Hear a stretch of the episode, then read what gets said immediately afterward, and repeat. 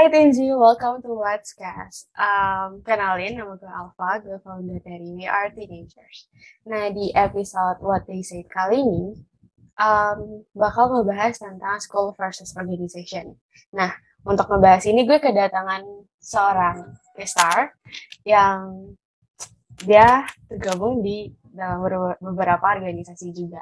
Nah, ada pepatah mengatakan bahwa tak nama kata saya mungkin jadi lu bisa memperkenalkan diri dulu Irfan. Halo Tinzi, oke. Okay. uh, jadi kenalin teman-teman. Nama aku Irfan Trisdianta biasa dipanggil Irfan. Umur aku 14 tahun. Dan untuk kesibukan sekarang ini sih lagi uh, ngejalanin beberapa organisasi online dan juga uh, lagi sekolah online juga teman-teman kayak biasa dan ya mungkin itu aja untuk perkenalannya. Oke, okay. emang lo belum itu sekolah tetap buka? Belum sih, ini lagi apa ya, lagi di ujung-ujung Januari ya, karena kemarin tuh biasa lah ya, sekolah kan suka aneh sendiri nih sekolah gua, jadi kayak liburnya malah Januari bukan Desember, jadi ya udah karena nanggung, jadinya Januari kita uh, PJJ gitu sih. Oke, oke. Eh, lu itu Tangerang ya? Yap, benar. Oke. Okay. Ngomongin tentang tadi, uh, lu join dalam beberapa organisasi online. Maybe bisa sebutin apa aja? Sebutin apa nih organisasinya? Iya. Oh, oke, okay, oke, okay, oke. Okay. Uh, jadi buat organisasi sekarang-sekarang ini sih aku megang dua ya, ada Talk dan juga renung sejenak organisasi gue. Dan kalau dulu, dulu tuh ada banyak banget, kalau nggak salah ada lima ya. Eh, ada enam, ada enam. Saking banyak, gue lupa nih, sorry. ada uh, ada Taut, ada Renung, ada Renung Sejenak, ada Service, ada Fun for Fun, dan lain-lainnya. Gue udah gue udah lupa dong, saking lamanya. ada Light gitu Pillar juga nggak sih kalau nggak salah? Iya, benar-benar ada Light Pillar. Oh, gue yang inget. Aduh iya kok gue ya, kok gue inget ya. Oke, okay. dan oh, berarti lu di Taut itu sebagai the graphic designer, terus di Renung yep. sebagai founder. Sebagai uh, founder dan chief dan uh, graphic designer juga. Gitu, Oke. Okay.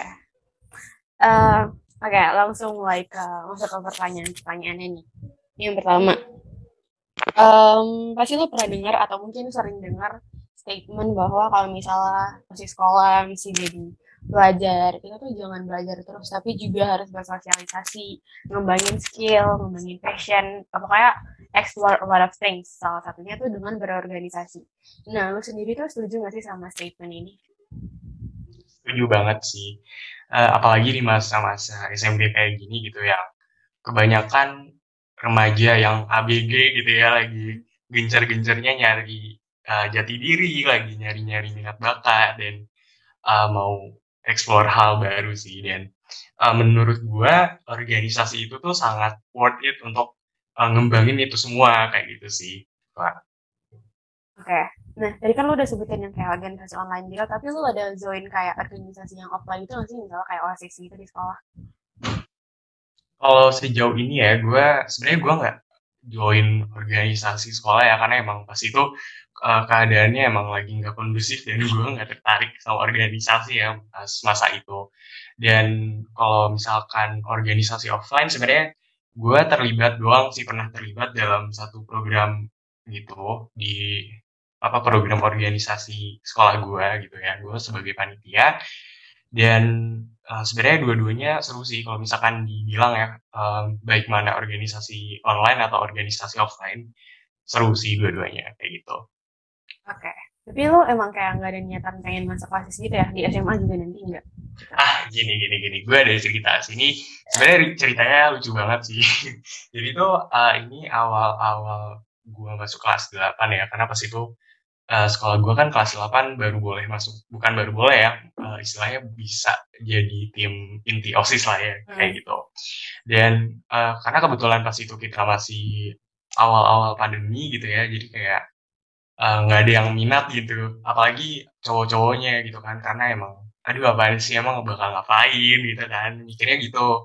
Sampai pas itu gue pernah gitu ya diteror sama guru istilahnya diteror gitu. Sampai ditanya-tanyain gitu kan. Van kalau nggak uh, ikut osis? Sampai di PC sama gurunya juga uh, mau direkomendasiin masuk ke osis? Gitu kan. Gue kayak aduh gimana sih? Gue males banget nih. Gitu kan. Cuman uh, ten, apa ya akhir-akhirnya tuh gue jadi apa ya nyesel sendiri gitu loh karena pernah nolak oh, apa opportunity dari mereka. Karena pas gue lihat kinerja osis uh, tahun gue gitu gue tuh kayak ih gue ini bagus banget asik banget. Gue juga pernah ngerasain kan gue pasti itu pernah jadi panitia gitu di, di salah satu programnya. Dan ya sebenarnya itu adalah salah satu kesalahan gitu ya uh, kesalahan dari gue sendiri. Cuman ya kalau misalkan gue pas itu nggak nolak eh pas itu gue nerima gitu ya mungkin ceritanya bakal beda lagi gitu mungkin gue iya. nggak diundang gitu ya di sini. okay. Belum kenal mungkin sama Alfa. Iya. Oh, fun fact ya, kita kan gue sama Irfan kenal lewat taut, jadi nggak pernah taut, secara offline ya. Nah, yeah. tapi kalau kalau gue malah pas SMP tuh ceritanya beda drastis, beda 180 derajat sama lu. Gue tuh pengen banget masa klasik di saat itu, cuman karena gue anak pindahan dan OSISnya tuh tipe yang dipilih sama guru gitu loh, bukan kita yang oh, iya, daftar. Iya. Jadi guru yang nunjuk, nah karena gue anak pindahan, jadi kayak nggak dikenal sama gurunya, jadinya nggak ditunjuk. Jadi kayak gue mau mengajukan diri juga nggak bisa, jadi gue masuk OSISnya pas SMA gitu. Oh gitu gitu. Aduh, sekali ya Alfa. Tapi gue SMA sekarang kan gue sekarang OSIS juga, cuman sama kelas 10 nya nggak bisa masuk ke tim inti, jadi masuk ke divisi-divisi doang. Sayang banget. Cuman ya udahlah. Daripada nanti nunggu kelas 11 lama. Eh um, lanjut nih. Pasti kan kalau misalnya lu mau join organisasi atau mungkin lu bikin renung sejenak gitu pasti ada banyak hal yang lu pertimbangin biar kayak nggak asal bikin. Misalnya lu kayak jadi nggak ya bikinnya? Atau bikinnya tentang apa ya? Nanti bikinnya kayak gimana? Pasti banyak hal yang dipikirin nah uh, apa aja sih pertimbangan yang sampai akhirnya lo tuh memutuskan untuk masuk organisasi itu atau bikin redung sejenak gitu? Hmm, oke, okay. gue bakal uh, cerita kenapa awal mulanya gue masuk ke dunia perorganisasian kali ya. Boleh. Oke. Okay. Jadi awal mulanya gue kenal organisasi itu sebenarnya gara-gara gue iseng gitu loh. Ini kembali lagi uh, di masa-masa kelas 8 ya, masa-masa emas gue gitu. uh, gue pas itu kebetulan uh, kalau nggak salah tuh baru bagi baru pra BLT ya kalau nggak salah dan gue cukup kecewa sih sama um, apa ya hasil nilai yang gue punya gitu dan dari situ gue uh, mutusin buat oh gue pengen ngambis nih atau at least gue pengen uh, belajar lebih giat gitu kan ceritanya ngambis gitu celah terus sampai suatu ketika gue ketemu salah satu akun gitu ya uh, namanya SRS Notes dan seru aja gitu kan pak kayak ngikut-ngikutin uh, orang yang ngambis orang yang produktif gitu uh, apa ya berharap ketularan gitu ya padahal enggak gagal gitu ceritanya. Gagal ngambisnya terus uh, singkat cerita uh, SRS Notes itu dia ngebuka open recruitment untuk volunteer dan kebetulan ada apa divisi graphic designer.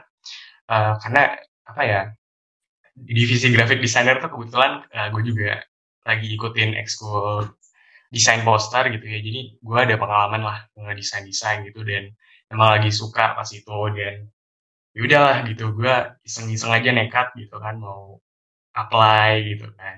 Eh tahunnya keterima gitu kan gue kaget sih sebenarnya jujur. Dan ya dari situlah gue mulai kenal volunteer mulai kenal organisasi-organisasi dan uh, bincer-bincer juga untuk ikut-ikut volunteer yang lain sampai akhirnya gue uh, mutusin buat bikin organisasi sendiri karena adalah gitu ya ceritanya panjang. Kalau misalkan gue ceritain dari awal sampai akhir ini bakal sejam kali ya ya is, uh, intinya gitu sih awal mulanya gue um, masuk volunteer masuk volunteer. Awal mulanya gue ikut-ikut organisasi kayak gitu dan uh, sebenarnya kalau singkatnya apa ya singkatnya gue bikin renung sejenak tuh uh, kebetulan karena gue sendiri pas itu lagi ada ngalamin something gitu ya kan uh, gue pas itu lagi apa ya anaknya tuh lagi yang ambis-ambis banget kelas 8 yang kadang uh, aktif banget gitu. Sampai gurunya bikin peringkat gitu lah kan. Jadinya ceritanya tuh um, di satu pelajaran gitu ya pelajaran ekonomi itu lebih tepatnya uh, gue gurunya pas itu tuh lagi apa ya gurunya tuh tipe ngajarnya yang ngasih pertanyaan dan kalau misalkan lo bisa jawab lo dapet nilai plus kayak gitu. Dan uh, gue pas itu kan emang lagi aduh gue pengen nih gue gak mau kehilangan kesempatan gitu buat uh, nilai plus. Dan gue jawab terus uh, sampai akhirnya pas itu uh, sebelum naik kelas gitu ya kalau nggak salah pas PAS kalau nggak salah gitu ya uh, gurunya ngebikin so, uh, kayak PPT peringkat gitu peringkat nilai plus terbanyak dan uh, surprisingly gue peringkat pertama gitu. Wow. dari satu angkatan wow gitu kan. Gue kalau nggak salah tuh pas itu dapet 30 30 uh, nilai plus. Dan gue pas itu dapet hadiah gitu kan. Hadiah buku hadiah buku bukunya itu buku about life-nya Terelie gitu. Dan gue baca oh uh, gue pas itu kayak dapet pelajaran gitu loh dari buku itu. Kan gurunya juga kebetulan care banget gitu ya sama anak-anaknya. Uh, terus dari buku itu gue belajar uh, kalau misalkan oh mungkin gue kurang ngasih kesempatan gitu buat yang lain. Karena kok gue gue mulu yang aktif gue gue mulu gitu yang jawab jawab pertanyaannya kayak gitu. Dan akhirnya gue kayak memutuskan untuk membuat satu platform yang bisa bikin kita mengumpulkan orang-orang yang ingin self healing gitu ya istilahnya ingin merenung ingin uh, coba deh kita lihat apakah ada kesalahan yang pernah kita lakukan di masa lalu atau mungkin uh, kemarin atau uh, ya pokoknya masa lalu gitu ya kayak gitu singkat ceritanya uh, awal mulai gue buat renung sejenak. Oke, okay. nah pasti untuk me akhirnya memilih keputusan bikin renung sejenak, it's not an easy decision lah untuk dibikin. Nah, ada nggak sih tipsnya gitu untuk memilih organisasi yang sesuai sama dan cocok sama diri kita sendiri gitu biar kita kayak nggak asal masuk cuman hmm. ngejar benefitnya aja gitu. Oke oke oke benar banget yang tadi Alfa bilang kayak cuma ngejar benefitnya ya. Oke sebenarnya kalau tips dari gue sendiri nggak banyak ya teman-teman. Uh, cuman aku bakal jelasin gitu ya. Jadi yang pertama yang harus teman-teman tahu gitu ketika teman-teman ingin join organisasi, teman-teman harus tahu gitu background dari organisasi tersebut organisasi tersebut apa gitu uh, tujuan dari organisasi tersebut apa dan pembahasannya tuh apa gitu. Nah teman-teman juga harus pastiin teman-teman tertarik dan teman-teman juga uh, mau membahas hal itu. Jadi kayak uh, teman-teman punya interest yang sama gitu uh, untuk apa apa dengan organisasinya seperti itu. Dan uh, yang kedua adalah teman-teman pastiin tahu nih skill teman-teman apa, teman-teman bisa berkontribusi apa uh, ke organisasi tersebut dan teman-teman juga harus tahu itu masuk divisi apa gitu. Divisi apa yang mencakupi uh, skill teman-teman kayak gitu. Dan juga teman-teman harus pastiin punya at least satu atau dua gitu ya portofolio yang uh, bisa um, memperlihatkan skill teman-teman gitu kepada recruiters dari organisasi kayak gitu. Dan yang ketiga nih uh, ini yang penting banget teman-teman. Teman-teman gak boleh ngelewatin gitu ya. Yaitu komitmen. Teman-teman harus punya komitmen. Karena uh, di organisasi tersebut uh, teman-teman kayak kita kita sebagai um, orang organisasi gitu ya uh, mau uh, setiap orang tuh punya tanggung jawabnya masing-masing. Kayak gitu ya pak. Uh, dan nggak mau yang cuman oh gue pengen ikut tapi gue cuman ngincer benefitnya doang kayak yang tadi aku bilang kayak gitu. Dan uh, itu salah satu hal yang penting dan teman-teman gak boleh lewatin kayak gitu. Karena kalau teman-teman lewatin hal itu teman-teman masuk organisasi juga tuh kayaknya kurang afdol gitu loh kalau ada komitmen dan nantinya ngaruh gitu loh ngaruh ke uh, hal-hal yang lain kalau misalkan teman-teman gak komitmen dan yang terakhir nih yang keempat itu teman-teman enjoy teman-teman enjoy the proses teman-teman uh, susah dan senang bareng gitu sama yang lain kayak gitu sih. Ya yeah uh, komitmen sama interest sih itu yang paling kayak krusial banget karena ya benar banget benar. Ya itu dua nggak bisa dipisahin sih? Kalau kalau tertarik tapi lu mau komitmen ya ya apa jadinya gitu. Gimana tapi ya? ya tapi kan kalau cuma komitmen tapi kayak lu nggak tertarik sama apa yang lu kerjain itu juga jadi setengah-setengah kan niat gak niat jadi kayak hmm, benar. Oh, jadi setengah hati gitu lah iya. nah, dan berorganisasi itu bukan tentang diri lu sendiri itu tuh bekerja sama orang lain. Jadi dan apa yang lu kerja itu bakal berdampak ke orang lain dan dampak ke lain-lain gitu loh. Jadi nggak bisa Iya, sembarangan gitu. Benar banget. That's true. nah lanjut as a student nih sebagai pelajar pastilah kewajiban utama kita belajar ngerjain tugas sekolah kayak gitu nah tapi sebagai anak organisasi itu pasti pernah lah ada momen di mana lo kayak tidak bisa membagi waktu lu dengan baik sampai pasti ada yang jomplang sebelah entah organisasi lu yang gak keurus atau malah buka belajar buat ulangan yang kayak gitu. Nah ada gak sih momen kayak gitu terus tolong ceritain sedikit Oke, momennya. Ini ada sih momen-momen kayak gitu. Khususnya pas gue masih kelas 8 ya. Um, gue pernah gitu ya yang jomplang sebelah. Jadi kayak hidup gue tuh buat organisasi. Gue pernah kayak gitu. Pernah ada di keadaan kayak gitu. Jadi kayak uh, gue pas itu sampai begadang apa apa relain waktu tidur gitu ya untuk kerjain suatu event besar gitu. Dan gue pernah gitu ya. Um, uh, karena gue saking fokus sama organisasi gue tuh sampai lupa sama sekolah gue jadi kayak gue pas itu baru nyadar gue ada ulangan gitu dan gue belum belajar sama sekali. Cuman uh, surprisingly lagi nih ya gue kayak oh ya gue dapat reminder tapi gue dapat nilai uh, 80 jadi lo harus uh, bersyukur dan lo harus belajar lebih. Lo harus ingat lagi nih sama sekolah lo bukan organisasi lo doang. Gitu.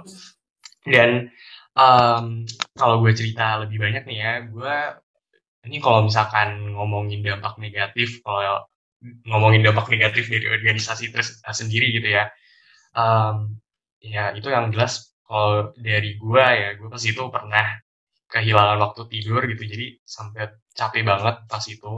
Cuman uh, akhirnya jadi ke bawah-bawah gitu sampai sekarang. Jadi kayak gue yang tadinya tidur jam 8.30 harus sudah tidur, gue jadi jam 9, jadi jam 10, jadi jam 11. Gue tuh kadang itu tuh apa ya, kebiasaan itu jadi ke bawah-bawah sampai sekarang dan itu nggak baik teman-teman sebenarnya. Jadi ya gitu deh teman-teman. kalau bisa, kalau misalkan teman-teman habis menghadapi habit yang buruk gitu, teman-teman uh, sebisa mungkin langsung jauhi gitu ya. Dan um, apa ya masa-masa bukan masa-masa sulit ya mungkin kayak hal-hal yang gue sulit lakukan gitu ya. Gue tuh orangnya kadang suka procrastinating gitu loh kayak suka nunda-nunda kadang. Jadi tuh uh, gue sendiri pun masih berusaha banget berusaha keras gitu ya untuk keluar dari zona mageran gue dan uh, apa ya keluar dari pola-pola yang menjurus ke procrastinating kayak gitu.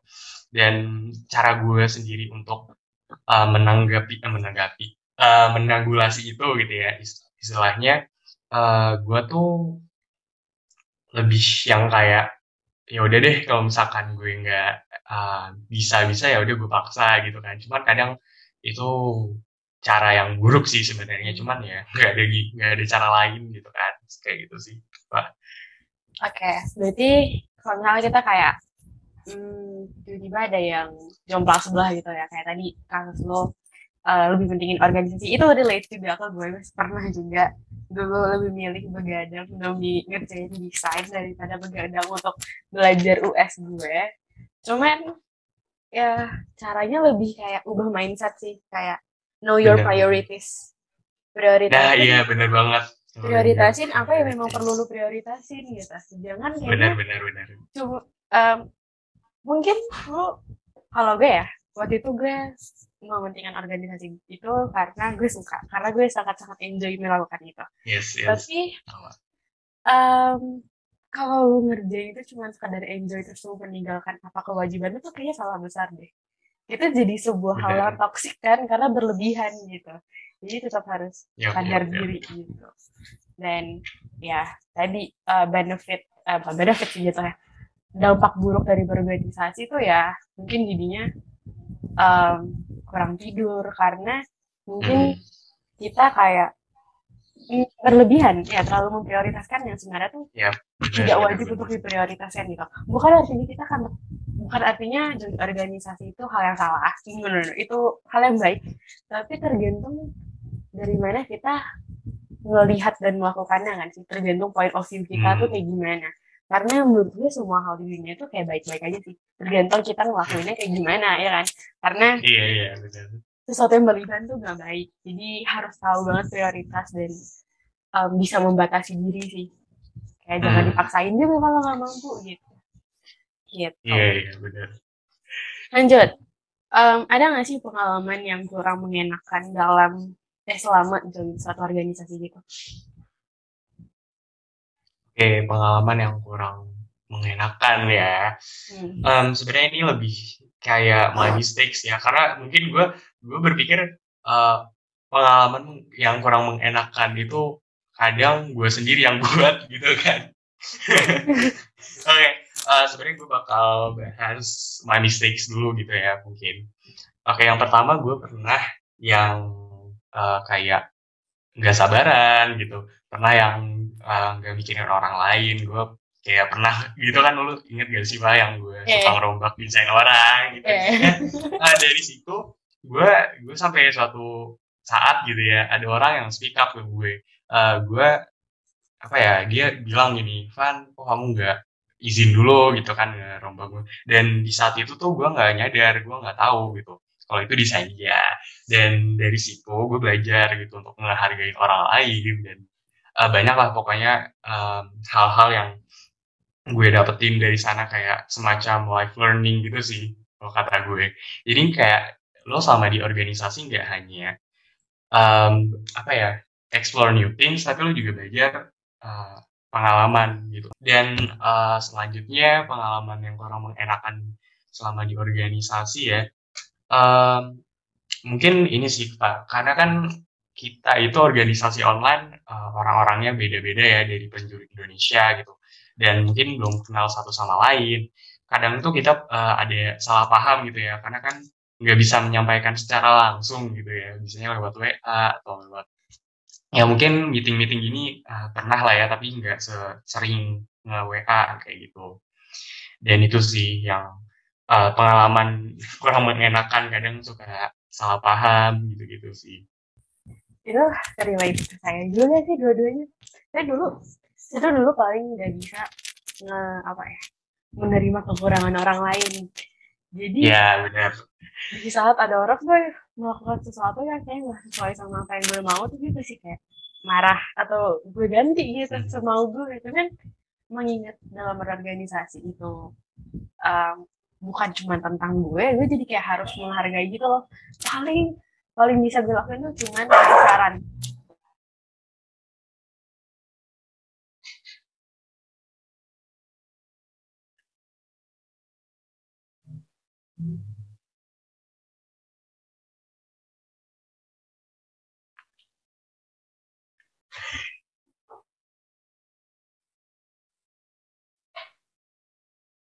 Ini dikat kan? Iya, iya dikat. Ini dikat kan? Oke, oke lanjut lanjut. Jadi gue ngomong apa ya? Tadi gue ngomong apa ya?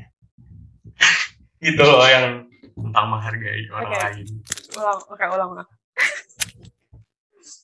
Oke, okay, itu tadi jawabannya kayak relate banget sama gue dulu sih. Gue bukan tipe orang yang bisa menghargai kekurangan orang lain dulu. Jadi kadang tuh kalau misalnya ada yang tidak sesuai dengan keinginan gue tuh pasti kayak marahin orangnya atau gue ganti semau gue tapi karena nah, iya. adanya WAT gitu ya kayak ya walaupun gue yang bikin terus gue yang punya bukan artinya semau mau maunya gue gitu terserah gue maunya gimana terus ya udah ngikutinnya nggak bisa karena um, itu tuh menyangkut banyak orang gitu dan lebih kayak menghargai pendapat orang lain hasil kerja orang lain dan menurut gue itu tuh bukan hal yang mudah dan kayak itu tuh nggak bisa didapetin di sekolah kayak iya benar-benar nggak bisa cuma diajarin kamu harus menghargai orang lain nggak bisa. Tetap harus ada experience-nya harus lu ngalamin yes. jadi tahu rasanya tuh gimana. Itu sih yang kayaknya betulnya nggak gampang didapetin di hal lain gitu. Nah kalau misalnya tadi pengalaman yang kurang mengenakan ada nggak sih kayak memorable experience di saat lu join suatu organisasi gitu? Hmm, oke. Okay. ini memorable experience ya um, memorable experience yang gue dapat selama di organisasi sejauh ini sih uh, ketika gue di organisasi itu apa ya membuat suatu event besar dan itu unexpected banget gitu loh. Kayak gue nggak mikir sampai uh, bisa nyari sponsor dan segala macam dan uh, hopefully kayak gue um, senang banget sih ketemu sama orang-orang yang mau mencoba hal baru sampai bahkan sejauh itu dan mengundang orang uh, orang penting gitu ya istilahnya.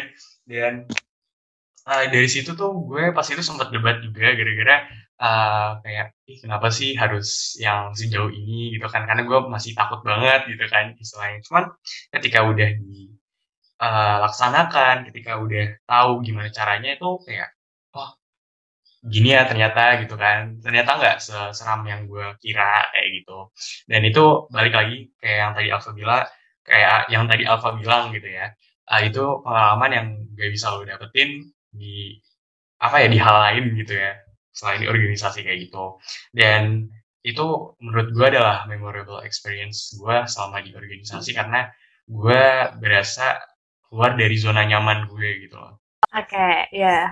Pasti kalau gue juga memorable experience tuh nggak jauh-jauh dari bikin event karena sebelumnya lo nggak akan pernah mikir akan membuat sebuah event kan kayak benar iya iya. tiba-tiba lu tergabung dalam sebuah kepanitiaan terus bikin event itu kayaknya kalau kalau lu yang dulu akan berpikir itu adalah sebuah hal yang impossible tapi ternyata lu sekarang berhasil melakukan hal itu yes. ya itu another sense yang kayak gila gue hebat banget. Bukan yang menyombongkan diri ya tapi lebih kayak tapi emang iya, gimana gitu ya punya kebanggaan iya. sendiri gitu. Itu yang bikin kita kayak happy kayak aduh gila keren yeah. banget walaupun bukan kita yang mengerjakan semuanya, bukan kita yang memimpin, tapi kalau kita berpartisipasi itu bakal ada kayak sense kita seneng banget yang kemungkinan besar tuh orang lain nggak ngelakuin hal itu, nggak ngedapetin sense itu. Itu yang bikin berorganisasi itu jadi indah menjadi. Iya benar. Oke, last question nih, seperti judul podcast What They Say kali ini. Menurut lo, uh, sekolah sama organisasi lebih penting mana sebenarnya ini pertanyaan retoris ya aja tahu jawabannya apa yeah. benar benar tapi ya, ya. Oh, lu pasti udah tahu lah ya jawabannya apa gitu. yeah. sekolah gitu ya hmm. karena uh. mau gimana pun pendidikan tetap yang utama gitu kan yeah. ya sih Pak benar benar kayak um, menurut gue organisasi itu opsional aja sih terus tergantung pribadinya masing-masing ya tergantung individunya masing-masing mau ikut atau enggak gitu cuman uh, yang mau gue garis bawahi gitu dengan lu ikut berorganisasi lu bisa gitu kan kayak explore new things terus bisa belajar hal baru belajar uh, life learning bisa ya pokoknya bisa improvisasi diri gitu kan.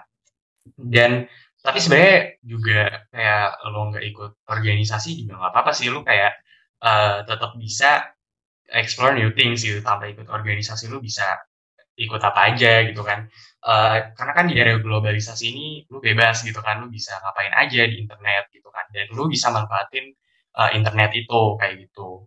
Dan organisasi pun uh, masuk ke dalam salah satu manfaat dari globalisasi nggak sih pak? Apalagi kan yeah. banyak organisasi online kayak gini.